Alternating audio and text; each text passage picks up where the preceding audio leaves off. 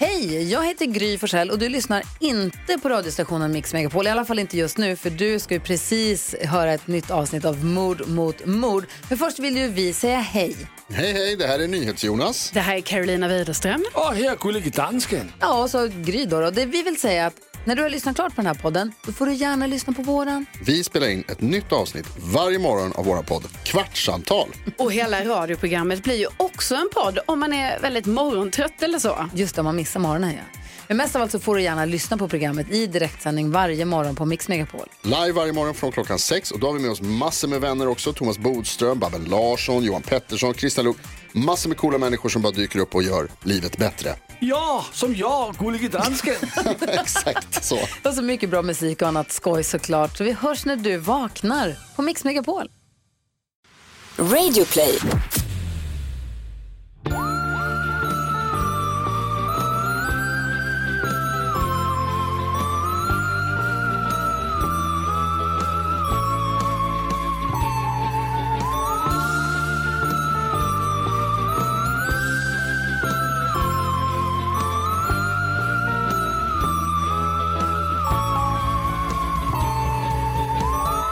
Hej och välkomna till Mord mot mord. Hallå! Eh, tillbaka från sommarlov. Gud, sluta jag får ångest. Alltså det är ju absolut inte det för oss. Vi är ju fortfarande pre... Vi är för... Du har ju fortfarande inte fött ditt jävla barn.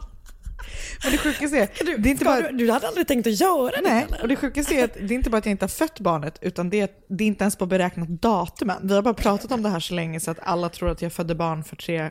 Nej, det, framför allt så är det ju så att vi bara har spelat in fruktansvärt Så många många avsnitt. Eh, men det vet ni redan. Eh, nej, jag vet, jag tänkte verkligen på det. Att jag bara, våra lyssnare måste ju tro att du är mytoman. Precis, det finns inga bildbevis, det finns ingenting. Det är bara att vi ville så, åh vi måste ha en liten paus. Vi måste ha... Vi nej, har heller inget, vi tar vi inte måste ens en göra paus. content. Vi måste, vi måste göra starkt, starkt content som vi, vi har blivit så eh, briefade att vi måste, kunna, göra- vi måste göra content som våra lyssnare kan eh, relatera till. Precis, och vad är mer relaterbart än barn? Alla har varit det, några har det, några vill Vissa inte vill ha det, andra vill inte ha Exakt. det. Nej. Alla har en relation till det i alla fall. Alla. Positiv eller negativ? Konceptet barn har alla en relation till. Ehm, då, men jag hoppas att när det här avsnittet släpps, Då tror jag att du har. då borde jag ha fött. För nu är det den 15, fem, 5 augusti tror jag. Ja, då borde jag ha fött. Då har jag också ganska nyligen fyllt år, 31. Men gud. Orolig för hur min födelsedag kommer firas i år, för det känns som att den kommer hamna lite i skuggan av andra grejer. Perfekt, du är redan svartsjuk på ditt barn. Ja, men för att, ehm, Lovisa, en av mina bästa kompisar, Ja. hon fyller år den 24 juni. Mitt barn är beräknat att komma den 18 juni. Alltså hon är lite avundsjuk. Nej, och jag skrev så här, jag hoppas att hon kommer innan så du slipper dela födelsedag. Men hon verkar vara ändå ganska positivt inställd till att få dela födelsedag. Du kan inte ens tänka dig att liksom dela månad. Nej, Nej. typ inte. Jo. 31. Men vi måste ju ta igen, vi hade ju förra året, fick du ju 30-årspresent att vi skulle ha en runda på Vilk- Kungsholmen. Men som då, vi hade, ju med det. råge. Jo vi hade ju det, men du var ju, Ja, var du var ju grave. Ja. Så som du är nu fortfarande eftersom den här graviditeten har pågått. Men alltså vet du, jag tycker att det är Men så... du, jag är så trött på att du är gravid nu. Det är så, är, Jag vill så gärna träffa ditt barn. det är så, också det är så himla sjukt. För att det känns som att vara gravid den perioden som jag var gravid, det känns så stört mycket längre än att vara gravid typ så här från januari till september. Fast jag vet inte om du kan säga det, för att det är, du utgår ju från dig själv och du har ju varit gravid den där perioden. Ja men precis. Ja. Men det, det, det Den jag, perioden som jag har varit gravid känns som att den är den längsta. Okej, kanske inte men den period, när man är gravid när det går över två år. Just det. Alltså två Du har varit olika gravid i år. två år. Ja, men jag blev gravid 2019. Och nu har du gått igenom ett När liksom det Jävla- Kändes, och det kändes ju som det fortfarande var sommar då. För att det var ju typ i september, det var ju varmt liksom. Jo men och att det här året 2020 har varit det längsta och konstigaste jävla pissåret. Och här där jag kommer sitta förmodligen när hon kommer och typ bara det är här du ska föda. Ja men det känns som, min syrra sa hon bara, du måste skriva upp så här listor så, av saker du ska kolla på för du kommer sitta så mycket framför, alltså i soffan. Just det. Och bara vet amma jag, typ. jag har ju suttit exakt här där jag sitter just nu. Har jag suttit sen fan i mars när jag började jobba hemifrån. Jag har inte rört mig i fläcken. Jag kommer lova jag kommer sitta här den 5 augusti och lyssna på det här avsnittet. på samma plats. Man vet om att, man vet om att, om att du har, dålig, du har liksom ingenting att kolla på när du börjar lyssna på våran podd. här, det är den enda som finns kvar nu. Ja, gud. Eh, Okej, men vad, vad kollar du på nu då? Eh, I morse då när jag vaknade så himla tidigt, mitt i natten, så gick jag upp och så tittade jag på Real Housewives of Beverly Hills. För att det har kommit på Netflix. För det kommer på Netflix, de första säsongerna. Men det sjukaste Även Keeping Up the Kardashians. jag såg, så jävla nice. Men det är så sjukt för att säsong ett är från 2010. Alltså, jag minns allt som att det var igår jag såg det. När de åker med Adrian Malouf, som är alltså part of the Malouf family. Vilka är the Malouf family? De äger ett kasino i ehm, Las Vegas. Aha. De äger ehm, Sacramento Kings, alltså ett basketlag. Och jävlar, riktigt rika helt enkelt. Hon är en riktig riking. Ah. Och så... Eh, Vänta, nu är det bara att du berättar vad som hände på Real Housewives of Beverly Hills. för tio år sedan. Men hon var gift med den här Paul Nassif som har, han har nu ett egen, en egen dokusåpa med en annan Real Housewife. Som han är ihop med nu istället? Nej, Nej okej. de är båda plastikkirurger. Ah, Så de har den här bot- Botched. botched heter det. Och han misshandlade Worlds henne. colliding. Ja, och han misshandlade henne. Oj, Ja. vad hemskt. Och nu har han en egen serie. Alltså, undrar om jag hittar på det där. Nej, Ja, du, har, du har säkert inte tittat på det, för sån är världen, Precis. Anna. Precis, det kom, vi kan inte prata om det som jag vill prata om, som är, för det kommer vara högst individuellt i augusti. Det du vill prata om är alltså Alexander Ja, Bard, Alexander som Bard. är det vi, som vi tänker på nu, eh, som alla är såhär bara, "Vem- vet du vad som har varit härligast? I augusti, alla är såhär, Alexander who? Verkligen, Han har fallit i glömska. verkligen. Det har han, vi vet inte ens vem vi pratar Gud, jag har om. ingen aning. Eh, själv har jag ju kollat på Berätta. Below Deck. Ja, alltså, så glad att För du de har, det de har gjort på Netflix är ju uppenbarligen att de har köpt in x antal säsonger reality-serier. Ja, och så riktigt gamla. Jag vet, och det gör mig så jävla glad. Alltså Below Deck är, handlar ju om, ett, eh, om folk som jobbar på yachts. Jag pratade med Marcus om det här, hur säger man det på svenska? En jakt. Säger man det? Yacht. Jag känner mig Yacht, så osäker varje gång. Jag, jag tror att jag skulle säga, det heter ju lustjakt. På svenska tror jag är det korrekta. Det låter så snuskigt. Ja, det är lite snuskigt. Jag skulle säga, jag skulle säga yacht på svenska. Yacht. En stor båt. En sån stor båt. Nej, inte en troll. Men så jobbar de bara på den. Det är så jävla Det är så jävla bra. Men det är väldigt kul tycker jag, för det är också typ så här, hur mycket ska de dricksa när de går av och Ja, sånt så där. Alltså, de det är typ- aldrig nog. Nej, de är alltid besvikna. Ja, och då har ändå folk dricksat så 10 000 dollar. Så besvikna. Men också fan, Ja, det är så det jävla är kul. nice. Min favorit är ju han den brittiska kocken då, som bara är typ så han bara tyvärr så går inte pengar och klass till, ihop alla gånger. Det har han ju så Verkligen rätt i. Och för att citera en annan real housewife, Lusanne, nej, så heter hon inte. Eh, Men gud, Countess Stella Seps. Alltså, Ja, ja, ja, ja. Luann heter hon. Just det. Eh, hon har gjort en låt som heter Money Can't Buy You Class. Hon Money can't buy you class. Den And money så. can't buy you musicality. Det är verkligen, det borde vara hennes uppföljarhit. Ja, ehm, jag hoppas att du inte bara har tittat på Below Deck under sommaren, utan jag hoppas också att du har varit ute. jag har också kollat på Jeffrey, F, Jeffrey Epstein-dokumentären. Den är, jag spar den. Ja, fan. För att jag vill liksom vara så helt närvarande när jag tittar på den, för att jag vet att jag kommer vara så djupt upprörd. Nej, det är fruktansvärt. Alltså jag vet inte ens om du ska kolla på den typ samtidigt som du ska Som föda en dotter. dotter typ. Nej. Alltså inte, jag pratar inte om just samtidigt. Men det är, det, man blir, det är bara en fruktansvärt deprimerande värld. Ja, men jag funderar på, uh, imorgon ska jag vara ensam hemma. Ja, ja men perfekt, det låter ju. Men annars har jag ett väldigt mysigt tips som jag började kolla på igår. För jag längtar så himla himla mycket till Morden i Midsommar som det kommer finnas några avsnitt av när vi släpper, Just just det. släpper det här. Men eh, det har inte kommit än i våran tid. Eh, men vet du vad som finns? Berätta. kommissarie Lewis. Som är, alltså han var kommissarie Moores eh, assistant. Ah, så han har fått en egen spin-off. Ja, när de är i eh, Oxford. Okej, låter mysigt också. Alltså enormt jävla mysigt. Fan vad härligt.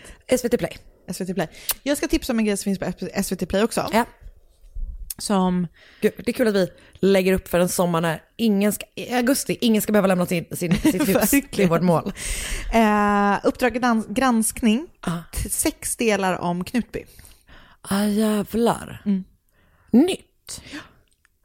Men vad fan, det kom väl precis en dokumentär om Knutby? Och sen kom Jonas Bonniers bok om Knutby med. Det här kom nu. De tre sista avsnitten släpps på tisdag. Är det spännande? 16 juni. Det är skitintressant för det är alltså personer Som inte har... eh, som alltså var med. Alltså en av de här eh, pastorerna som eh, drogs inför rätta 2014 Just det. tillsammans med Åsa Waldau och, och eh, jag jag har tappat den tredjes namn. Mm. Han är med och pratar om det. Han anmälde sig själv och Åsa Waldau ja. och den här tredje personen. Japp.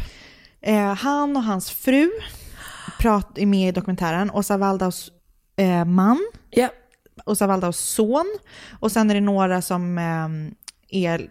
Men vänta, Åsa Waldauts man, då är det alltså Kristus. Det är det som är så spännande.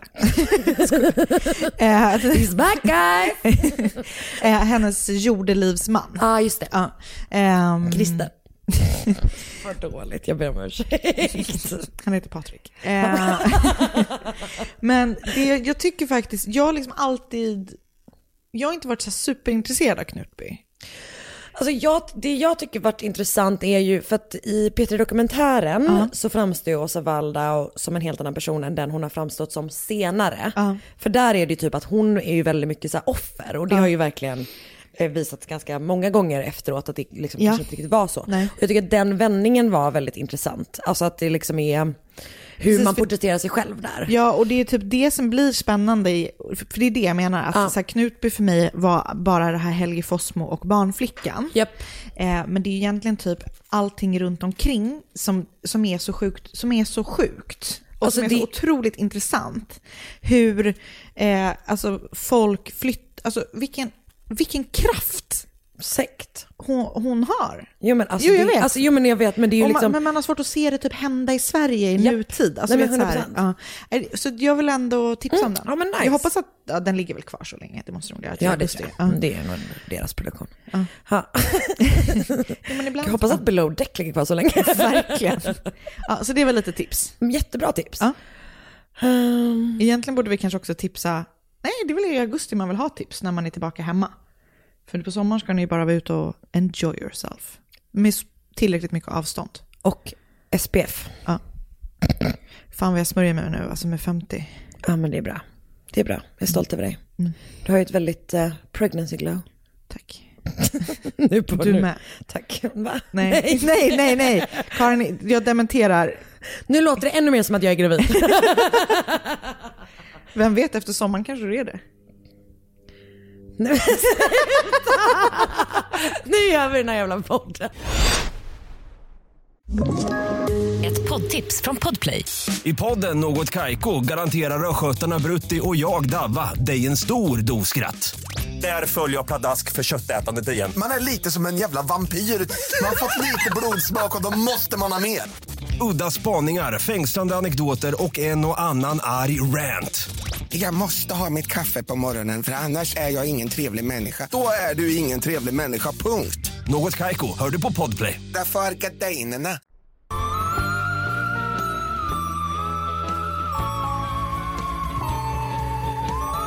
Vid 3.20 i 3 på natten den 30 december 2010 så får brandkåren flera samtal om att det brinner ordentligt. Liksom en, en ehm, inte en öde väg, men en väg som ligger liksom avläg, avsides. Det är, Dirt road. Nej, men inte, typ inte ens så. Det är bara det att det inte är massa som bor där. Alltså, utan det är liksom så. Eh, nära Gainesville Raceway. En dragracing-bana. I Gainesville, Florida. Yeah. Du fattar ju. Du fattar ju vilken, vilken stämning det har varit på Gainesville. Om jag gör. Jag har varit Rasistisk säkert. antagligen. Eh, Okej. När de, eh, de kommer liksom dit och eh, det, det liksom, ser först, vid första anblicken ut som typ en så vanlig bushfire.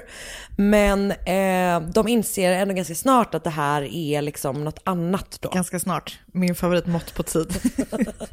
Som jag märkte också är GVs mått på tid. Två genier. Två genier. Man kan ändå önska, han är ändå, han hade kunnat vara lite mer exakt. kan jag tycka.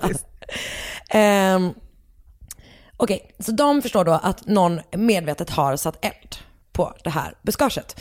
Eh, för att det luktar bensin och det brinner som fan typ.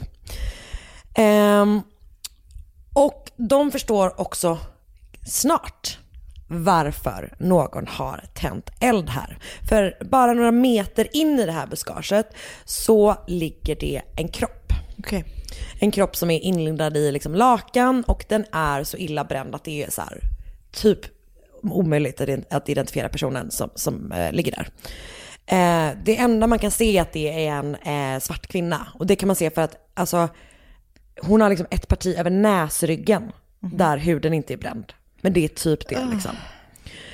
Ehm, så att man förstår ju då liksom att här, någon har tänt den här elden för att det ska bli svårare att identifiera den här kroppen.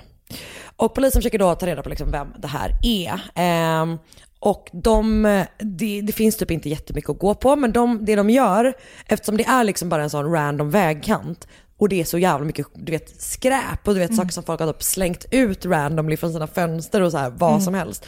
Så plockar de verkligen upp allt.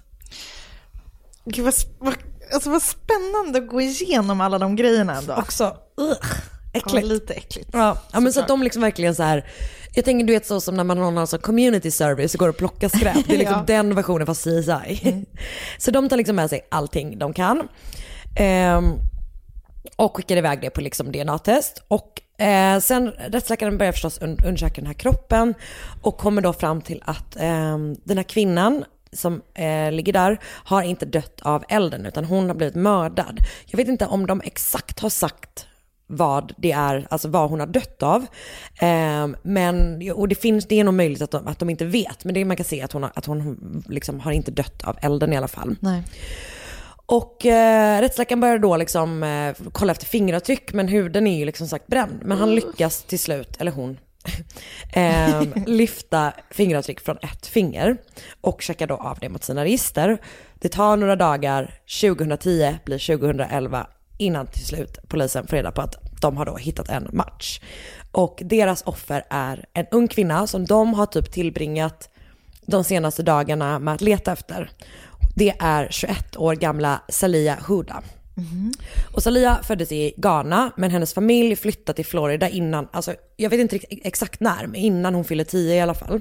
Så hon är ganska, ganska liten liksom. Hennes mamma heter Hawa, hennes stora syster heter Sean. Och hon växer också upp med en pappa och en bror, men jag har inte hittat vad, vad de heter. Ehm, och föräldrarna tar liksom med sina barn till USA av samma anledning som så många andra, typ eh, Hjärmet. Ja, de- vill, vill att de ska få större möjligheter än vad de, de har haft liksom. Så här klassiskt sånt American dream Som gör en så himla ledsen när det händer folk då som... Alltså verkligen, nej verkligen. Och som är så här, eh, det, eller typ det är det som är så svårt att förstå med folk som inte fattar varför folk, alltså både typ emigrerar men också liksom flyr. Att allting handlar om att så här, jag vill ha ett bättre liv eller jag vill ge ett bättre liv till mina, till mina, till mina barn. Liksom. Och det är verkligen så här, det är därför de åker. Och Salia får typ ett jätte, jättebra liv i USA. Hon är väldigt så här energisk, väldigt glad, eh, hon är social och utåtriktad. Hon älskar musik och älskar att dansa och hon håller på både med tävlingsdans i någon sån här, eh, inte sån som Oscar vill göra, alltså ballroom dancing. men gör hon sån diskodans? Alltså hon, jag skulle säga att hon typ kanske, hon ger mig en sån dansgrupp. Ja. Lite mer så street kanske. Ja, lite cool. Ja men liksom- eller så, lite så jazz and street så. Ehm, jag har sett lite klipp, det ser fan kanon ut. Ja, vad härligt. Hon är också, hon håller också på med cheerleading. Och hon börjar läsa på University of Florida 2008. Och där pluggar hon eh, vad som beskrivs som Family, Youth and Community Sciences. Och hon blir då uttagen till deras cheerleading, cheerleading-lag för The Florida Gators. Yeah! och det är typ en sån här jättestor grej. Jag tror att de är ett väldigt liksom stort sånt. eh, Här. Har du sett Cher på Netflix? Ja, gud. Ah, wow, otrolig. Eh, efter att vi såg den så tvingade jag Markus att eh, kolla på Bring It On med mig. Älskar, älskar den. Ja, nej, den är så bra. Birch, it's cold in Vet du vad det here. roligaste är? Det här är verkligen inte första gången som vi, jag fick en sån Ja, flashback att vi har kört den innan. Oj, oj, oj. Here we go! Da-da-da-da-da-da. Tch, du-du-du-du-du-du. Du gjorde en, Anna gjorde en spark. Djupt liggande ner i soffan. Gud vad jag skäms. Nej, skäms inte. Var stolt över din fina spark. Att jag tyckte jag var lite ball. Gud, och det här, du Det är har så blivit... skönt när det bara ändå är en person som ser det. Din bebis kan bära vittne. Okej, ja, ja, fortsätt. Gud, du... Anna eh, gråter och svettas just nu. Okej, är du med? Jag är med nu. Mm, det är en väldigt stor grej. Ja. För att Florida Gators är typ så här, de är liksom ett, ett framstående sånt, du vet, University Football, du vet sånt, sånt lag liksom. Och hon är alltså flyer. Sånt som man för fan. kastar liksom. Och hon är känd bland sina lagkamrater både som någon som är så här väldigt, väldigt härlig och rolig att vara med. Men hon jobbar också väldigt, väldigt hårt liksom. Ehm, och hon typ, du vet så här, det är någon som berättar om att så här, hon skadade sig men hon typ fortsatte träna. Och du vet sådär. Det känns som så klassiskt, den så här, typ konståkning, Ah, cheerleading. man bara, nu alltså, kör vi ja. på, verkligen. Ehm, och, men som sagt, så hon håller på med cheerle- cheerleading och sådär, men hon älskar som sagt också att dansa typ. Eh, och du vet de så här, det finns historier om att de är på spring break och hon typ bara så här dansar typ i havet. Gud vad härligt. Ja, eller hur? Hon verkar vara, men liksom verkligen sån här klassisk sån free spirit typ. Ehm, Så och- som jag uppenbarligen inte är. Nej, det var, alltså det var inte det friaste jag sett dig. Men varken du eller jag är ju det. Nej. Vi skulle ju aldrig kunna så dansa utan musik. Vi kan ju inte ens dansa med Nej, musik. verkligen. Vi är de töntarna i baren som Alltså vi, öl. möjligtvis vickar vi typ ett sånt finger. Ehm, de börjar också typ så gå ut och festa och då är det typ att hon tillbringar jättemycket tid på dansgolvet liksom. Och som sagt, apropå då att hon festar. Eh, Celias föräldrar är liksom så här, de är ganska strikta antagligen för att de är så här, fan nu vi har kommit till det här landet för att ge er en chans, typ bara sabba inte den här möjligheten liksom. De vill att hon ska så här, fokusera på sitt pluggande. De är inte så peppade på att hon ska typ gå ut och klubba hela tiden. Um, och det är nog också en anledning till att Celia bestämmer sig för att skaffa en egen lägenhet ganska tidigt. Trots att de, alltså föräldrarna verkar bo i samma område som universitetet. Men de skaffar en som ligger ännu närmare och är typ så här, men det är för att vi håller på att träna ganska sent och du vet så. Men hennes syster säger att det nog är för att hon vill ha, ja. men få vara vuxen och vara liksom lite på egen hand. Och det verkar som att hennes stora syster har gjort typ samma sak. Ehm, så hon flyttar hemifrån, bor då tillsammans med sin hund Vegas med Z. Eh, och typ även att det verkar som att hon kanske har en orm eventuellt. Något annat djur. Alltså det var någon som bara, det var lite som ett zoo där. Och Typ. fy vad hemskt, det är min skräck. Ehm, men också hunden Vegas. Eh, men hon har liksom en jättenära relation till sin familj. Så att hon pratar jättemycket med hon, du vet, hon pratar med sina föräldrar typ dagligen. Den 29 december 2010 har Salia jullov eh, och är då ledig både från skolan och från cheerleading practice. Eh, så hon och hennes kompis Indy bestämmer sig för att de ska här, gå ut och festa. Och då bestämmer de att Salia ska komma hem till Indy innan, så här, innan de går ut. Men Salia dyker aldrig upp.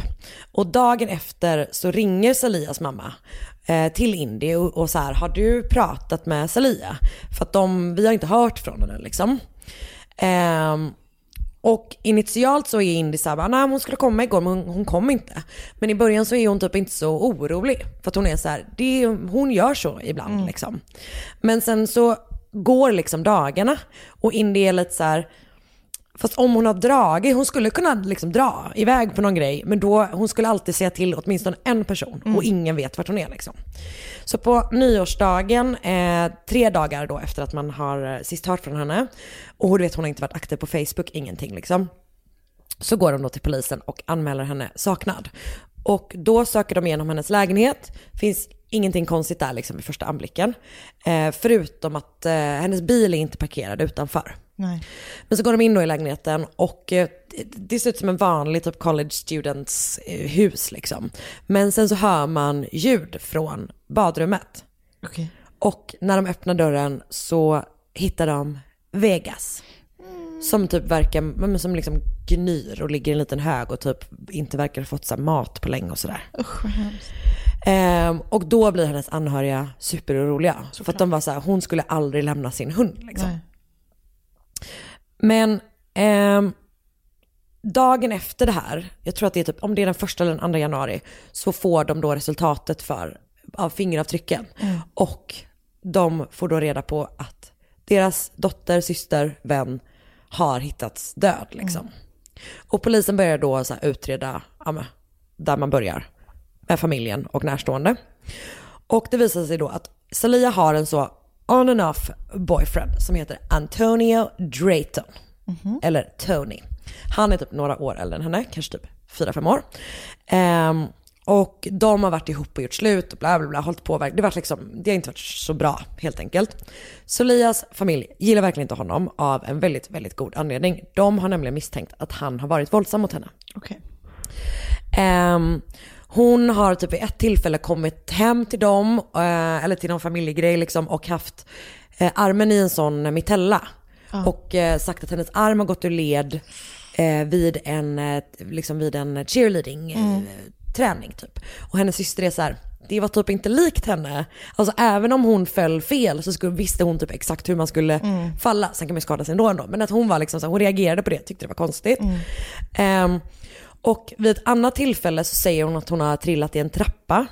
Eh, när hon typ kommer till sina föräldrar ut med någon sina föräldrar med någon annan skada typ. Eh, och de försöker liksom, eller hennes syster försöker prata med henne om det men blir liksom avvisad. Men sen så är det ett tillfälle när eh, Salia lyckas ringa 911 när Antonio attackerar henne.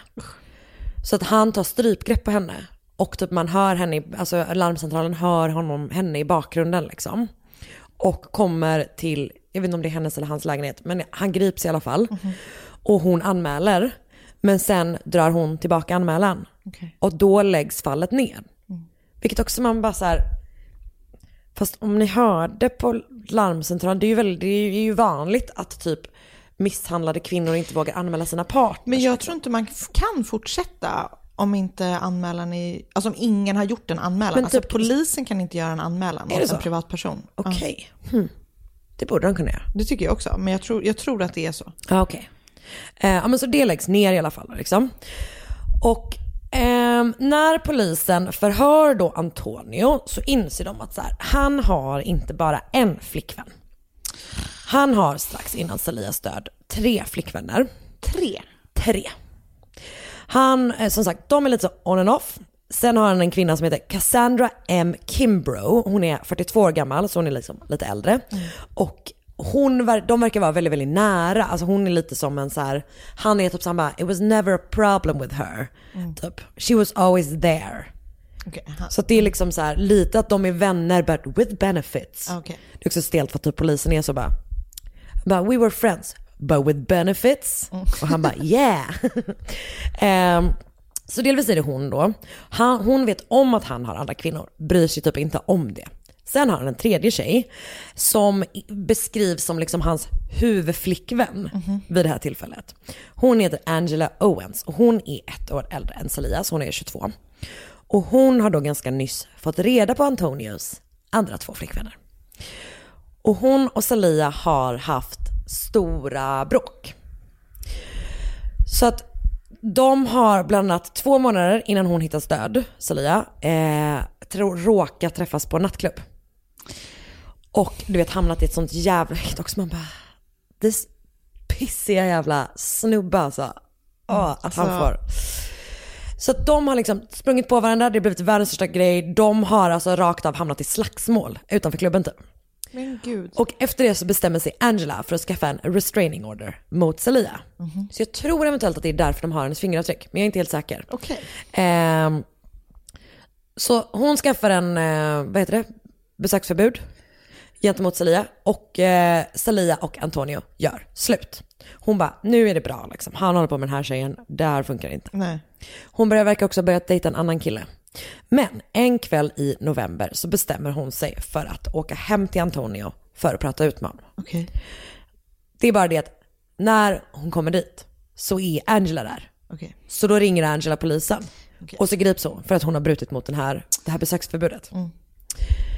Det här är som sagt typ en månad innan hon försvinner.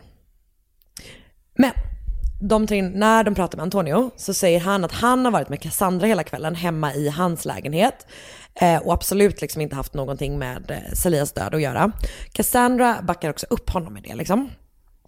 Och hon, eh, han påstår också, han bara jag skulle aldrig skada Salia. Man bara, men du har ju redan." literally redan gjort det liksom. Han bara, det skulle, I would never hurt her. Ehm, och att han säger I would never hurt Celia Huda. Alltså att han säger hennes för och efternamn tycker jag är... Det är läskigt. Ja, det är något obehagligt med det. Angela har också alibi. Hon har varit med en kompis hela kvällen och både kompisen och liksom datorn på hennes mobiltelefon backar det. typ. Okej. Hon säger också att hon och Celia har pratat ut om allting. Och det är lugnt. De har inga, det är inga mer hard feelings. Celia har också bett henne att typ dra tillbaka besöksförbudet och anmälan om, om eh, att hon har brutit mot det för att hon, typ- hon bara, jag vill bara kunna typ så här, ta, min student, alltså ta studenten och börja jobba liksom. Så de verkar vara på good terms enligt Angela då. Så polisen vet ju då att mördaren har använt sig av bensin för att tända eld på, den här, eh, på, liksom, på det här området vid vägkanten. Så de börjar kolla bensinmackar i området, övervakningsfilmer. Och, Hur långt efter är det de utreder? Var är vi nu typ? Alltså det går ganska fort. Okej, liksom. Så det är, det, jag tror att det är typ januari, februari. Okej. liksom. Ehm, så att de börjar liksom gå igenom allt det här materialet från alla de här bensinmackarna som ligger i närheten. Och till slut får man då napp. För att vid 10 över 1 den 30 december, alltså samma kväll, så stannar Salias silvriga Nissan vid en bensinmack. Och en kvinna går ut och in i affären vid macken. Och kvinnan köper bensin för två dollar som hon häller i en dunk som hon har med sig. Och sen åker hon från bensinstationen. Så kvinnan har typ hoodie på sig. Det enda man ser är att det är en svart kvinna. Okej. Och att det inte är Celia liksom. För att hon är för lång. Så polisen blir allt mer säkra på att det här är Angela. Okej. Men hon har ju då alibi. Efter ytterligare några dagar så får man då reda på att polis, att, eh, eller man får tips om att någon har sett den här bilen. Hennes silvriga bil. Eh, vid typ ett random lägenhetskomplex. Och när man kollar på den så inser man att på ena sidan är, eh, alltså mattan i baksätet är dränkt i bensin och i bagageluckan så ligger det eh, tyg som matchar lakanet som Celia var insvept i. All right. Så man blir då rätt säker på, eller man är nu rätt säker på att eh, när man har sett bilen stanna på bensinstationen och den här kvinnan har köpt bensin, det är så kort inpå eh, att, att man får larm om den här elden. Så man är liksom övertygad om att Celias kropp har varit i bilen Okej. när de åkt därifrån liksom. Eller när de, när de har åkt dit. Ehm, och snart får de hjälp från lite så oväntat håll för att de får ett samtal från en släkting till Antonio. Som säger att han har ringt Antonio, har ringt honom mitt i natten den 30 november, december och bett att få låna en dunk och en spade. Men okej. Ja, jag vet. Och man bestämmer sig då för att så här, man, eller då har man uppenbarligen hittat släktingar som man kan typ prata mer med. För att om man har kommit liksom så pass långt så kanske man också kan hjäl- fortsätta hjälpa till. Så då visar de övervakningsfilmen Okej. för eh, den här släktingen. Och släktingen ger dem, alltså identifierar personen i filmen direkt. Det är Cassandra Kimbrough. Alltså Antonios kompisflickvän. Så att polisen har inte träffat Cassandra innan? De har träffat henne, hon har bekräftat Antonios eh, DNA. Just det. Eh, Alibi. det är alibi. Kul, perfekt. Någon term? Gärningsman. eh, nej men exakt, så de har pratat med henne och hon, de har ju liksom så här, eh, bekräftat varandras Men de känner alibi. inte igen henne från Nej, exakt. Plus att vad ska vara hennes eh, motiv? Hjälpa honom för att de är polare? Men Angela har, de- de har ju bara tänkt typ att så Angela har ju ett öppet, liksom, ett Ja. öppet bråk med, eh, med Salia då. Men som sagt, den här släktingen är så här, det där är Cassandra Kimbrough. Och snart får de då sitt andra break. För du minns det här att jag sa det som du tyckte lät så härligt när de plockade upp all skräp vid vägen. De har äntligen, är konstigt oväntat av dig att du tycker det var härligt. Eh, de, jag tycker det här att de gjorde det så ordentligt. Ja, jag fattar. De har fått en DNA-träff på ett, eh, Tuggummi. ett föremål. Ett tuggummi. Inte ett tuggummi, En filt. utan en... Vill du En kondom. Nej. En eh, alltså, servett, en typ pappersnäsduk. Och det är någon som snyter sig ofta. Antonio Drayton is Nej. all over it. Fan vad sjukt. Han har ju uppenbarligen liksom bara, alltså du vet det är så här, det är också väldigt förnedrande för att i förhör, när de så här pratar med honom, så är de så här, de bara visar dem bild från brottsplatsen, de bara, you see that little white thing? Han bara, yeah. It's got your DNA all over it Oh Antonio. så härligt. Ehm, så de är så här, de bara, det här, du, det, ditt DNA är på hela den här jävla eh, näsduken. Vi vet att det här är Cassandra, hon är identifierad av, liksom, av en person. Vi vet att du hämtade en dunk och vi vet, att du hämtade en spade från din släkting mitt i natten. Eh, och då erkänner Antonio. Okej. Ha, eller, han säger att Cassandra har mördat Salia. I Salias lägenhet. Och att hon sen ringer honom och är så här, du, jag har mördat Salia, du måste hjälpa mig. Okej. Det är bara det att Salias lägenhet lås upp med sånt digitalt lås typ. Som, eh, som loggar när, eller jag vet inte om det är själva lägenhetshuset eller whatever. Men det loggar i alla fall eh, liksom när folk har kommit. Ah, ja. Och ingen har kommit in i hennes lägenhet under den kvällen. Nej. Då ändrar han sig. Han bara, okej, ja, men det var så här istället då.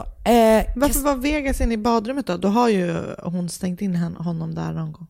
Ja, när hon typ kanske åkte därifrån. Jag vet inte om hon stängde av. Jag, vet, jag tror inte det var liksom, han var inte inlåst i badrummet i Vegas. Det var bara att han var inne i badrummet. Jaha, Mm, det var inte så. de hade inte stängt dörren. Nej, nej. Eh, det tror jag inte. Utan det verkar bara som att hon har lämnat för att typ åka en sväng kanske. Okej. Ehm, då vänder han, än- ändrar han sig så säger han så här bara, okej, jag, jag sa fel. Cassandra dödade Salia i min lägenhet.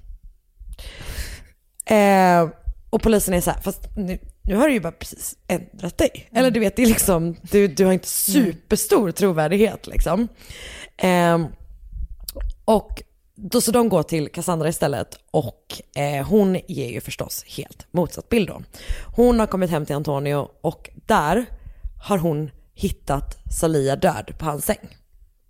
Jävlar vad sjukt att komma hem till någon till det. Och hon säger typ, hon bara, jag är rädd för Antonio. För att uppenbarligen är han ju en våldsam person liksom. Eh, och därför hjälpte jag honom att ta hand om hennes kropp. Så att hon säger att de har då rullat ihop henne i lakanen som var på hans säng.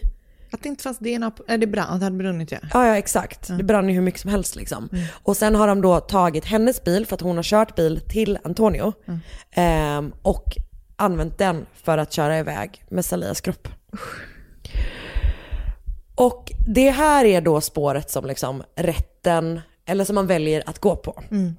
Eh, de anser att Antonio är då den som har mördat Salia och han häktas för överlagt mord och står då inför livstidsfängelse. Cassandra häktas för medhjälp. Men hon gör en plea deal i utbyte mot att hon ska vittna mot Antonio. Så hon får då två års fängelse och åtta års villkorlig dom. När Antonio får reda på att hon har gjort den dealen så gör han också en plea deal, eller tar han en plea deal och erkänner sig skyldig och döms då till 45 års fängelse. Han har aldrig berättat varför, alltså så här, hur det hände, varför han gjorde det här. Men antagligen, med tanke på att han är en våldsam man som hade varit våldsam mot henne redan innan, som hade tagit strypgrepp på henne. Ja, gått överstyr. Ja, alltså det liksom är så här, våldet har uppenbarligen eskalerat, det måste ju vara det som har hänt liksom. Och sen har han väl säkert, det är mycket möjligt att han har våld, varit våldsam även mot Cassandra. Eh, eller det är alltså, liksom det, det talar spåret. ju för det, ja. Precis, alltså att det är, eftersom att en kvinna blir slagen har ju aldrig någonting med, det är aldrig kvinnans, det är aldrig någonting kvinnan har gjort som gör det, utan det är ju någonting i, i eh, personen som slår liksom. Mm. Så antar jag typ att det är det, det som, är, som är spåret liksom. Men det gör mig så jävla lack Ah. att han aldrig har liksom, ehm, Berättat. ja och typ att det är så här, ah nej det var Cassandra. Ja hon gjorde det hemma hos henne och sen så bara, Men det är ju bara klassiskt as. ja det är verkligen klassiskt jävla as. Och jag har då fått det mesta in- av den här informationen från eh, en serie som finns på Investigation Discovery. Ooh, my new favorite channel. Verkligen. Eh, Den heter Deadline, Crime with Tamron Hall. Och i den så avslutar Selias vän Indy, som hon ju skulle träffa den där kvällen, ehm, som döpt sin äldsta dotter till Celia. Eh, hon får frågan så här, hur tror du att hennes liv hade varit nu? Och då säger hon så här. I think she would have been following her dream. She was to- supposed to be something so large in this world. And that was literally taken from her. Och det avsnittet heter Dancing with the Devil. Alltid har så jävla clever names. Verkligen. Jag har också läst en artikel om Salia i tidningen The Independent Florida Alligator. Fan vad de är stolta över sina alligatorer i Florida. Det är verkligen Släpp det! sjukt. Eh, en artikel på CBS News som har rubriken Salida Huda Update to Charge with Murdering of University of Florida cheerleader, cheerleader samt även eh, The New Ghanaian som, eh, som skrev om henne eftersom hon eh, kom från Ghana ursprungligen. Så det var mordet på Salia Huda. Tack snälla du. Det var väldigt sorgligt. Ja, 21. Väldigt ung. Ja, usch, panik. Ett poddtips från Podplay. I fallen jag aldrig glömmer djupdyker Hasse Aro i arbetet bakom några av Sveriges mest uppseendeväckande brottsutredningar. Går vi in med hemlig telefonavlyssning och, och då upplever vi att vi får en total förändring av hans beteende. Vad är det som händer nu? Vem är det som läcker? Och så säger han att jag är kriminell, jag har varit kriminell i hela mitt liv men att mörda ett barn, där går min gräns. Nya säsongen av Fallen jag aldrig glömmer på Podplay. —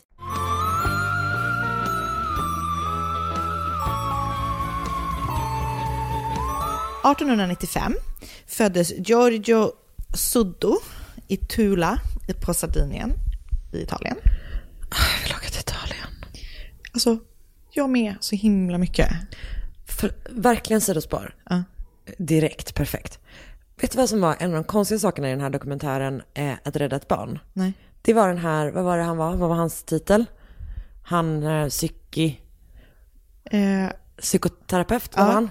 När han sa, när hans argument för att pappan hade gjort det här var att han var italienare. ah, ja, det var så jävla det var sjukt. så jävla, alltså att man bara, okej vänta. Nej, det var så stört. Det var Det så var, stört. och nu kom alltså rasism mot italienare in. Det är Ja, konstigt. det var verkligen sjukt. Det var verkligen, det var verkligen, det var verkligen sjukt. Eller det var så mycket som var sjukt i den, Ja. men eh, det var, det var sjukt. Ehm, 1895 föddes Giorgio där eh, på Sardinien, dit jag gärna vill, jättegärna vill åka. Alltså, Ja, verkligen. Mm. Redan som 13-åring så bröt han upp från sitt eh, familjehem och emigrerade till USA med sin storebror av samma anledning som ehm, Som Salias. Salias familj gjorde. Tack. Eh, men när de har kommit fram, så av någon anledning så bestämmer sig hans brorsa för att åka tillbaka hem till Sardinien så fort de liksom har passerat tullen på Ellis Island där utanför eh, New York. Han bara, sätt det, det var inte för mig. Verkligen. All these skyscrapers, mm, no. Han bara hatade en lång kö. Eh, Alltså han är ensam där då. Så att Giorgio är då själv i eh, New York som 13-åring. Liksom. Utan någon familj i USA och eh, varför brorsan åkte verkar man liksom inte veta någonting om. Eller jag har i alla fall inte hittat någonting om det. Ehm, så som nyanländ till USA så tog han eh, sig det mer, eh, något mer amerikansk klingande namnet George Sutter. Och efter ett tag så lämnade han New York och sökte sig drygt de här dryga 30 milen till Pennsylvania där han först började jobba vid järnvägen, alltså han är ju fortfarande tonåring liksom, eh, med, men inte liksom med, med själva liksom konstruktionen utan han typ så här försåg arbetarna med typ vatten och du vet, typ så här. Han var typ så, springpojke. Verkligen så tror jag. Och eh, ju mer så här etablerad, alltså han var, han var verkligen så här, eh, han, han ville liksom göra sig, göra sig ett bra liv i USA. Så han så här, jobbade jättehårt och ju mer etablerad han blev i USA så um, efter ett tag så startade han sitt egna lastbilsföretag. Som typ, eh, alltså vad heter det, bud, alltså typ, inte bud. Transport, men, liksom. Transport, Mm. tack. Eh, Transport och logistik. Exakt, som du läste på gymnasiet. Så otippat om du hade gjort det. Jävlar vad jag inte kan så mycket om logistik. Ehm, Ja. Nej men precis, han startade något slags logistikföretag liksom, med typ en lastbil till att börja med. Och då, då lastade han först så här jord till typ byggarbetsplatser som de behövde och sen så senare skulle han också frakta kol. Mm. Ehm, efter, Fraktföretag. ja, Heter det så kanske? ehm, Skitsamma. jag tror typ att det heter logistik. Ehm, jag vet inte. Nej men gud, jag är ju expert, varför tvivlar jag på mig själv? Exakt. Gör aldrig det. eh, som, nej, efter några år, efter att han varit några år i USA, så träffar han Jenny Cipriani, som också har emigrerat från Italien med sin familj som liten. Hon var tre år när de kom till USA. Och de två gifter sig och flyttar tillsammans till eh, Fayetteville. Eller Fayetteville. Det känns som de har satt ihop två ord som inte ska vara ihop, tycker jag. Men eh, det ligger i North Carolina. Och det är en stad där det är många andra som också emigrerat från Italien som bor. Så liksom det är ganska, eller väldigt stort italienskt community där. Ja. Och de bor eh, utanför stan i ett hus eh, som de liksom börjar fylla med väldigt många barn. 1923 så får de sin första son. Och fram till 1943, 20 år, 20 år så föder hon barn. Liksom. Då, för då föder hon deras eh, sista barn. Eh, Hur många pratar vi? en dotter som heter Silvia. Och det är totalt 10 stycken som föds under de här 20 åren. Ja, det är så, det är den här Det var- perioden du ska sätta igång nu. Precis. Eh, Till att du är så så 51. alltså paniken. Och sätta igång. Alltså jag kan inte tänka mig något värre än att ha små barn fram tills man är... Nej, och sen när de inte är små längre, då har man fortfarande 10 barn som är överallt. Exakt. Eh, Tänk att ha 10 tonåringar. Nej, vänta, det kan man inte. det blir inte Nej, det går aldrig. Ehm, nej men så precis. Eh, 10 barn får de under 20 år då. Och ehm, det är väl lite så olika. Kvinnokroppen med. Men det är fan otroligt. Det är faktiskt sjukt. Ehm, och jag vet inte exakt liksom, men det, det är liksom lite så här, lite jämnt, lite ojämnt och sådär. De får i alla fall väldigt mycket barn. Um, och samtidigt som familjen växer så fortsätter George med sitt företag och det går jättebra för honom och han tjänar typ ganska bra med pengar. Och det står typ överallt att de är så här kända som typ en väldigt bra så här, familj, du vet. De har, de har gott om, eller vet, de har relativt gott om pengar, de är inte så här jätterika, men liksom de har gott ställt, de är liksom en Hardworking. Ja, de är så bra människor typ. Ehm, och de var som sagt omtyckta i området, men det var många då, han var väldigt öppen med att han tyckte otroligt illa om Mussolini. Och det tyckte typ grannarna inte om. Ah, Så att där fanns det liksom, det var den schismen som fanns mellan honom och typ många andra i det samhället. Att så här, han, han var väldigt öppen med att han tyckte att det var att, han, att Mussolini Att var bara- skit liksom. Eh, och det skapade så mycket diskussioner och du vet att alla bara var så här, det där är typ stop that. de viftade så mycket med händerna. Vad fan culo? Eller? Det enda italienska ordet jag kan, förutom ciao. Men den kan du bra. Vad fan culo lärde man sig som, som i typ i tredje klass. Okej. För att du vet när man skulle så här lära sig fula ord på ett annat språk. Just det, ja, att det var typ en liten trend ja. Ja.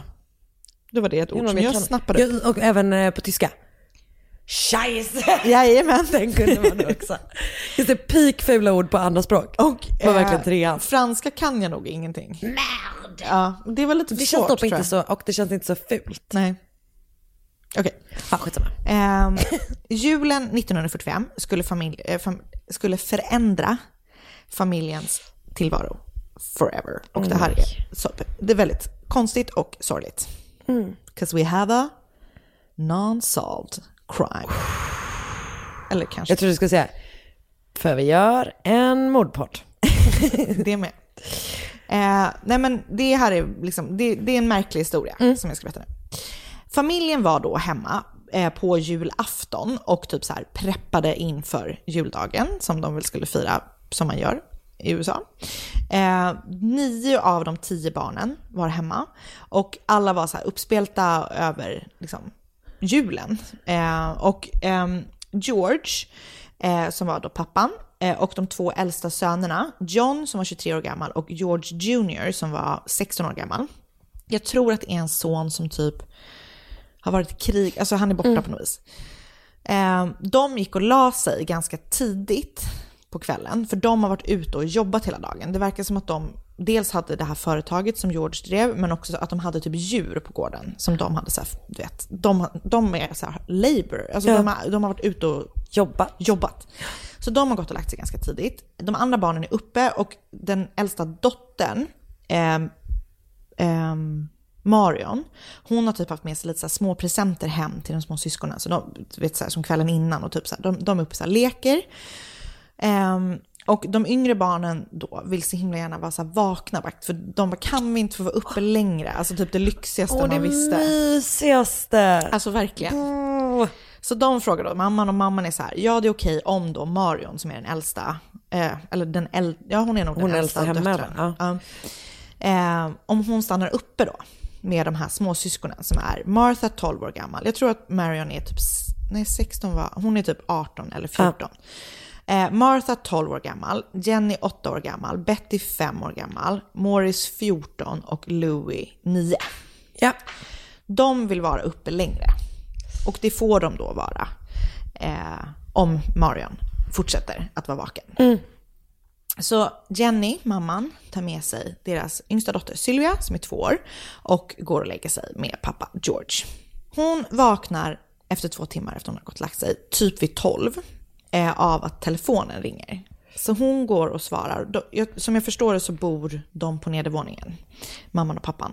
Så hon går och svarar och i luren är det en kvinna som typ verkar sitta på en bar eller typ en restaurang eller någonting. Och det är så röster och du vet, så klingande glas och sånt i bakgrunden.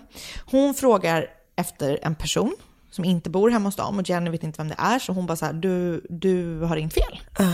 Eh, och sen lägger hon på um, luren och innan hon lägger på så är det typ så här, har de, Jenny då berättat i efterhand att, att den här kvinnan skrattar typ på ett så konstigt sätt typ när de lägger på. Ja, och sen ska hon då gå och lägga sig och när hon går och lägger sig så ser hon att eh, lamporna fortfarande är tända typ i vardagsrummet. Eh, och att Marion ligger och sover på soffan. Och eh, de andra barnen då verkar ha gått upp. De, de bor på liksom en trappa upp och har gått och lagt sig då.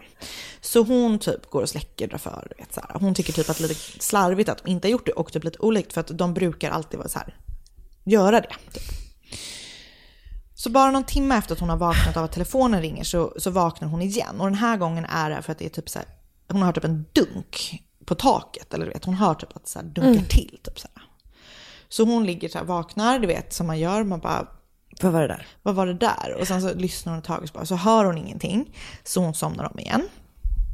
Sen går det bara typ en halvtimme innan hon vaknar igen. Och då vet jag inte varför hon vaknar. Men då känner hon att det luktar rök. Så då går hon upp och då ser hon att det brinner inne på Georges kontor. Och det brinner typ från ett proppskåp och typ så här från telefonuttaget. Okej. Så hon bara så här, shit, rusar för då väcka George. Som väcker de här sönerna som också ligger och sover på nedre botten. Eller på nedre botten. På bottenvåningen. På, på bottenvåningen. Ehm, och så försöker de så här. De, vill ju, barn, de små barnen ligger och sover där uppe, men det har börjat brinna upp i trappen redan. Så de kan inte komma upp. Så de säger kom igen, ni måste vakna, typ, så här, ni måste komma ut, ni måste liksom, så här, det brinner typ. Ehm, och de får liksom ingen kontakt. Och Marion sover ju på soffan. Så Marion, George Jr, John och Sylvia som sov med sina föräldrar, den här tvååriga dottern, och mamma Jenny och pappa George kommer ut ur huset. Utan att då ha kunnat komma upp till syskonen, som, för det brinner på trappan, den är liksom blockerad. Så de bara står och skriker typ utifrån och ingenting händer. Eh, och de har typ försökt ringa så till brandkåren, men deras eh, telefonlinje funkar inte. Så mellan att typ telefonsamtalet har ringt Så har ju någonting hänt. så har ja, någonting det. hänt Mm. med telefonen. Och det brann ju också typ ur telefonuttaget så här, så att det funkar liksom inte. Så samtidigt som huset står så här i lågor så springer Marion till en granne som, du vet så här, vi måste få hjälp att larma. Och då, då börjar det liksom, det här är ju så efter kriget eller du vet så, så det, det, det finns typ ingen, eller om det är för att det är en liten, jag vet inte exakt anledningen, men det finns typ ingen ordentlig brandkår utan den är så uppbyggd av frivilliga. Fattar. Så det börjar så en ringkedja du vet. Bara ta med en hink. Typ så. Ja. Ehm, och samtidigt som hon då har sprungit till grannen för att larma om hjälp så bestämmer sig George och Sanna att vi måste försöka komma upp till övervåningen utifrån. Liksom. Så de rusar till typ eh, den platsen där de brukar ha en stege. För att de bara, då kan vi så komma upp till... Just eh, det, så kan vi ta ut dem genom ett fönster typ. Mm. Men stegen är borta. Så den är liksom inte där, där den brukar vara. Så då är han så här, okej, vi flyttar min lastbil. som jag liksom har varje dag i jobbet. Han har två lastbilar som står på gården. Vi flyttade närmare huset så att jag kan klättra upp på bilen för att komma in genom fönstret. När de ska starta bilarna så går ingen av bilarna att starta. Och så i panik så börjar han så försöka klättra på fasaden, du vet, för att komma upp. Vänta, hur många barn har vi kvar där uppe? Det är fem stycken. Åh fan, vilken panik! Så han gör ju typ allt i sin makt liksom för att jag måste komma upp och rädda mina barn. Så här. Det går ju såklart inte att klättra på fasaden. Så i förtvivlan så får istället mamma, pappa och de här fyra barnen då stå och se på när deras hus brinner ner och deras fem syskon eller barn liksom ligger där inne. Ja, så jävla starkt. Och brandkåren då dyker inte upp förrän typ på morgonen. För att det liksom, de har inte fått till det. Så att, ehm, när de dyker upp så är det i princip bara aska kvar. Alltså huset har liksom blivit helt övertänt, det finns ingenting där. Så att de har liksom varit, typ fått stå där hela natten och Mm. bara, Oh, fan vad hemskt. Och de har väl så här gjort försök liksom så här. Men, och det var också typ att du vet så här, eftersom det var vinter så fanns det liksom, du vet så här, det fanns ju såna här uh, hink, eller du vet sådana här tunnor som brukar vara med vatten som var frysta. Det fanns liksom ingenting som de kunde släcka med. Så, um, så när brandkåren väl då kommer så är det egentligen bara för dem att typ så här kolla på askan. Du vet, och bara så här gå igenom den typ. Och det som är konstigt då är att man hittar inga kvarlever efter barnen. Det finns liksom inga kroppar och det finns heller inga ben. Det finns ingen, ingen rest kvar av de här fem barnen. Okej. Och brandmännen är typ så här, ja nej men det är väl att det blivit så överhettat typ så att de har blivit kremerade typ. Eh, och det är ju så här världens sorg. Eh, så dagen, liksom bara några dagar efter så bestämmer sig George för att så här, ah, jag vill bara täcka det här med jord, liksom, nu får vi göra typ så vi ska göra liksom ett, typ en eh, minnesplats för barnen. Eh, en rättsläkare i stan utfärdar typ ett dödsintyg som är typ det står typ, jag tror att dödsorsak var antingen kvävning liksom, eller brand typ. Man vet ju inte. Men nu alla fem barnen liksom får ett dödsintyg. Och polisen menar att, eller polisen och brandmännen menar att eh, det, branden har startat som en elbrand. Att det typ har varit så felaktiga ledningar typ. Men familjen börjar liksom ganska, ganska snart tvivla på att eh, det var en olycka och att barnen verkligen var döda eftersom det inte fanns några spår av att de liksom var i huset när det brann. Eh, Det, var kon- det var- hände ju mycket konstigheter. Väldigt mycket konstigheter. För, och det som också, det som, de bara, det, det är en konstig sak som de märker då efter det. Så bara, det finns inte ett endaste spår av fem människokroppar. Men de har hittat köksutrustning i köket som är nästintill intakt efter branden. Så hur kan liksom, de ha förs- liksom brunnit upp helt och hållet medan typ, jag vet inte vad det kan ha varit, en KitchenAid har överlevt typ. Kanske inte. Magic Bullet. Gud, älskade den. Eller jag hade den inte, men jag ville ha. Dröm. Eh, George tyckte också typ att det var så märkligt att det skulle vara en elbrand. För att han hade bytt ut proppskåpet ganska så nära inpå. Att branden hade börjat. Och det var ju så delar av ehm, elen som uppenbarligen hade funkat typ när det fortfarande brann. Typ deras julgransbelysning var igång när, vet, när de började utrymma huset. Så, här. så det, de är lite så här... Det finns saker som... Känns lite konstiga. Ja, så jag ska berätta lite om så här alla, massa, därför det är massa konstiga grejer. Det visar sig också, när de börjar gå igenom området runt huset, att någon har klippt av telefonledningen Telefonledningen. som ledde till familjens hus. Vilket såklart är supersuspekt. Vilket också alltid är det absolut läskigaste. Det är skitläskigt. Okej, kanske inte det absolut läskigaste, men det är väldigt Det är läskigt. väldigt läskigt. Det ska senare visa sig, eller det här är enligt Ranker, att ehm, det var en stöld. Alltså att det här orsakades av att någon hade stulit någonting Från telefonledningarna, typ? Nej, men det är liksom på något vis har råkat kapa telefonledningen. De har tagit någon slags, det är någon slags maskin som de har försökt stjäla liksom från gården. Det här är, ska vara oberoende av branden då. Så, så jag vet inte, man vet ju typ inte om någon har klippt. Men det är en väldig tillfällighet. Det är en väldigt konstig tillfälle och på så kort tidsspann. Japp. Eh, det de också tycker är jätte, jättekonstigt att ingen av lastbilarna startar. För att han har liksom varit ute och kört med dem dagen innan. Ehm, polisen får också tag i en busschaufför som har kört förbi den natten eh, som branden startade och som då har sett personer stå och kasta typ eldbollar i närheten av huset. Vad är det för något? Det man tror att det är, för att sen, de håller ju på där, du vet, så här, det är massa grejer som händer där runt huset. Så här. Någon dag när de är typ och, och fixar liksom typ inför den här minnesplattan, du vet de är någonstans där i huset. Då hittar Jenny, alltså mamman, i, ehm, som en liten hård gummiboll typ, i en buske. Och enligt pappan George så är det, det en handgranat, eller en del av en handgranat, en napalm-handgranat. Oj. Som typ har då använts liksom under kriget och som då kan starta eld typ. Jag vet inte om det någonsin blev bevisat heller. Men de hittar i alla fall ett, ett konstigt objekt som är så här, kan det ha varit det hon hörde på taket? Att, vet, Just att de det. kastade någonting som startade en eld. Just det, just det. Ja, just den här dunsen. Sen börjar det droppa in vittnesmål. För det är massa personer som bor i staden då, eller massa, men det är flera, liksom, ett, ett antal som eh, bor i den här staden som har sett barnen eh, i en bil samma natt som branden har varit. Och några av personer menar också att de har sett barnen efter branden. Eh, en kvinna som drev ett hotell, typ några timmar, någon timme bort, berättade att ehm, någon dag efter att branden hade varit så hade det kommit fem barn till hennes hotell tillsammans med två män och två kvinnor. Och alla var då italienare, eller hade italienskt påbrå på något Mm. vis.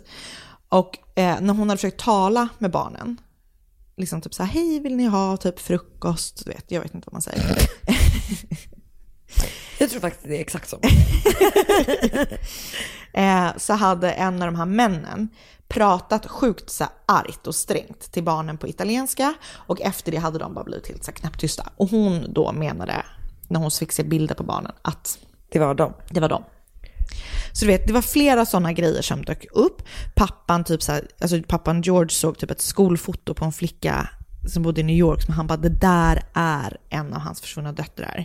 Så du vet, han så här, han åkte dit för att så här, träffa henne och du vet, så bara, jag måste träffa henne och hennes, den här flickans föräldrar var bara så här, eh, det här är vårt barn, typ, kan du hålla dig borta? Eh, och George och Jenny, de, de, de blir ju helt så här, alltså som man blir antar jag, Ah. helt besatta bara av att hitta dem. Så de sätter också upp såna billboards typ överallt med bilder på sina fem barn. Där de utlovar en belöning på först 5 000 dollar som sen höjs, höjs då till 10 000 dollar. Ah. Och då strömmar det ju in tips liksom. Alla vill ju Såklart. liksom så här. Och George åker alltså på varenda, på varenda tips. Han åker alltså land och rike runt. Och ingenting leder ju till att barnen återfinns. Alltså, de, allting är bara dead ends liksom. Eh, Okej, så några andra suspekta grejer som då kan få en att tro att det inte är en olycka och att barnen kanske då inte var döda. Eller det här är så då teori, du vet när de bara så här börjar leta efter allting. Ungefär två månader innan branden bröt ut så har det passerat en försäljare som vill sälja försäkringar till George. Och han säger, då tackar George nej. Och då har den här försäljaren sagt att Georges hus skulle go up in smoke and your children are going to be destroyed. Be destroyed. Så märklig försäljningstaktik. Verkligen. Men han verkar, och anledningen till att han säger det här är egentligen inte för att han inte bara köper förs- försäkringen, utan han kopplar det till, eller han säger så här, du kommer bli straffad för hur du talar om Mussolini. Mussolini. Fattar. Så han råkade väl vara försäk- försäkringsförsäljare och så blev han lack och då passade han på typ så här. Man, eller så kanske han var typ såhär bara, du borde verkligen försäkra ditt hus, 'cause it will go up in flames. Ja. alltså det var mer än en rekommendation eller, eller ett hot. Exakt. Eh, och det var en teori som typ cirkulerade ganska mycket. Att någon hade så fått nog av att han talade så illa Mussolini. Så att han typ så här blev straffad då av någon. Eh, en annan precis innan också så var det en annan man som hade passerat huset. Alltså, jag tänker det här är verkligen tiden för gatuförsäljare, alltså Ja. husförsäljare. Japp. Eh, en annan man hade då försökt propsa på att, den här, att han skulle få installera ett nytt proppskåp hemma hos familjen. Och, eh, för han tyckte då att det här proppskåpet som satt såg ut som att det skulle kunna brinna upp vilken sekund som helst. Men han hade precis bytt det. Precis. Så, Ja, då gjorde han det. nej. Nej. och George bara, nej men jag vill, inte, jag vill inte det för att jag har precis bytt det. Ah. Och då sa den här mannen då, typ, akta dig så det inte börjar brinna. Återigen, bara en varning. en rekommendation. Två av de äldre barnen hade sett, också precis innan branden hände, typ någon vecka innan, en bil med Florida-skyltar stå vid huset och typ titta på de yngre barnen när de lekte utanför huset. Och som då hade typ åkt iväg när de så här, de äldre barnen hade typ kommit dit. Ja. Så det tyckte de var suspekt. Och de tänkte typ så här, kan någon typ ha hållit span och sen kidnappat barnen? Och sen tänt eld för att typ så här, Täcka upp det. Ja. Eh, familjen själv, och jag vet inte exakt om det här var familjen själv, för att det borde ju George veta, men ehm, många i stan i alla fall eh, trodde att det var den italienska maffian som hade något med försvinnandet att göra. För att ingen vet vad, vad liksom, eller det ryktades om snarare, att George hade, men alltså han var ju 13 när han lämnade Italien, men att, att han hade då connections with the mob innan han lämnade Italien och att de då Verkligen skulle göra liksom så här, hämnas på honom på något vis. Eller så trodde man att de hade försökt, att, att maffian liksom hade försökt få med honom typ i USA. Ja. Ehm, och att han inte ville det. Eller så ville de att de så här, vi vet att du tjänar bra med stålar, vi vill ha dina pengar. Så att maffian på något vis har försökt komma åt George genom hans barn. Alltså jag tänker ju typ att transportverksamhet känns i allmänhet som en bra grej för maffian. Precis, de De behöver kunna alltid transportera saker. De behöver transportera saker. Det är så mycket logistik i maffian. Det är verkligen tänker det. inte på det. But you should know. Verkligen. Men I, I work kom... in logistics for the mob. Men det, vilken, men gud, vad var det för dokumentär som jag såg där det var någon som hade jobbat för maffian? Det var ju något för podden, skitsamma. Jo, det var det här paret som blev mördade, det var så sorgligt. Ehm, ja, precis. Ja. Men det kom aldrig något krav liksom, på att George skulle ge pengar till någon eller du vet så här. Så att det finns typ ingen teori som är bra. Det känns ju inte som att de skulle gå in, alltså, eller det känns så här att mörda barn, eller du vet det känns liksom inte... Nej, alltså, och då, alla de här är ju, eller ja, precis. De här två sista är ju då att barnen lever någon annanstans. Ja, även maffian. Mm. Varför ska maffian med fem barn till? Nej. Men tror du, förlåt, för jag, Ja. tror du att det här att barnen lever och finns någon annanstans, tror du att det var någonting som George och eh, Jenny. och Jenny hade typ ett behov, alltså att den möjligheten ens fanns, det var någonting man typ behövde hänga fast vid för att det liksom, Jag tror det. verkligheten går eh, inte att ta in. Och jag tror typ att fram tills att man hittar en kropp Exakt. så lever man på hoppet jättelänge. Det minns jag ehm, efter tsunamin. Att så här, ehm, eh, fram tills att en kropp hittas så kan man ändå... Exakt. Men eh, ja, så jag gissar det. För det var också typ, hon, de blev ju helt, alltså de blev ju helt besatta av det. Typ, så här, för, att- och Jenny då försökte ju så här, elda massa typ eh, så här, djurben och Ja, sånt. för att typ kolla om det går. Exakt, liksom. och då tyckte hon inte att det gick, men typ den här branden pågick ju väldigt länge och så här. Så att det fanns ju väldigt mycket olika... Ja. Men så hela familjen, liksom så här, föräldrarna, Jenny och George, de här fyra kvarvarande barnen och så småningom barnens barn, liksom så här, fortsätter att leta och följa alla spår de bara kan. Helt övertygade om att någonting typ inte står rätt till. Man måste ha en sån enorm eh, men överlevnadsskuld. Mm. Gud ja. liksom. Att man inte kunde rädda Nej. och att varför överlevde jag när... Alltså, fy fan vad Så jävla hemskt. vidrigt. Eh, och George försöker få hjälp av FBI men får avslag och de bara så fortsätter du vet och leta och leta och leta och leta. Det är så jävla hemskt. Och du vet, de får typ också något så här ett foto typ 1967, vilket ändå är så här, ja, men 22 år efter branden, så får de typ ett, vet, ett foto på en, en vuxen man. Som typ, det står, du vet, så här, han, Louis Sodder står på baksidan, du vet, och de bara det är han, det är han, du vet så här, men... Det är också säkert folk som fuckar med För dem, det är liksom. det, att folk gör ju sådana vidriga saker. Jag fattar, det är, ah, det är omöjligt att förstå. Alltså jävla hemskt. Ah, Ehm, Okej. Men så 1969 gick George Sodder bort och efter det ehm, så isolerade sig mamma Jenny Mm. allt mer och mer. Liksom. Hon har typ så här, sen den dagen barnen försvann gick hon i svart. Du vet, alltså hon var Ah. väldigt så här tyngd av sorg. Och hon gick bort 1989. Och Sylvia som var två år gammal när hennes syskon försvann fortsatte typ hela livet eh, och leta och följa spår. Och hon hade typ lovat, du vet, så här, eh, sin pappa att aldrig ge upp. och det senaste jag kan hitta är att så sent som 2019 så höll liksom hon och hennes barn fortfarande på liksom och så här, du vet, de är så på webbsleuth, du vet, de håller på på internet och så här. Eh, ja. Fan vad sorgligt. Och man, man har ju ingen aning. Och alltså, jag menar, kanske det mest troliga är väl att det är en fruktansvärt tragisk olycka bara.